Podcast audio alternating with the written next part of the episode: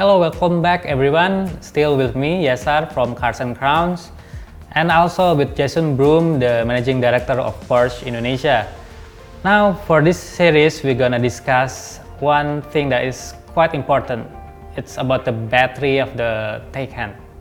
So, Jason, uh, as we know, battery over time will get less and less power. Uh, can you share how Porsche has tackled this issue?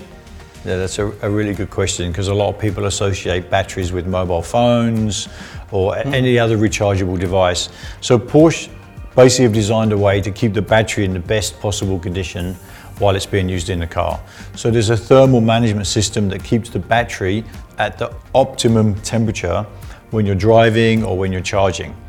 Batteries don't like extreme cold and they really don't like extreme hot. So keeping the battery in that operating window as best as possible has allowed us to have an eight year warranty and 160,000 kilometer mileage. So we're very confident that the battery is in the best condition it can be. So, is there just one battery in the car, or there are multiple batteries installed inside the Taycan? So there's one battery pack, but inside that is 28 or 33 individual units. Those battery packs can be interchanged. Let's say, for example, one battery pack has an issue, we can change that out, which also extends the life of the warranty of the battery. The batteries are also square modular rather than round modular, which round modular is not as space efficient, but it's more expensive to manufacture. And yeah, we all know Jakarta has a very hot climate sometimes. Does it affect the charging and the range of the car? That's a, a really good question. What most people don't understand is heat.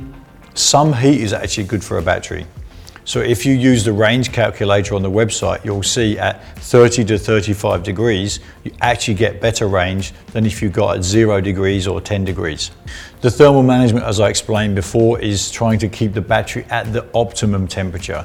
So in fact, the conditions we have in Indonesia are very well suited to the, the long life and the range of the battery. Uh, good to know that the battery will still hold up even though Jakarta is very uh, hot.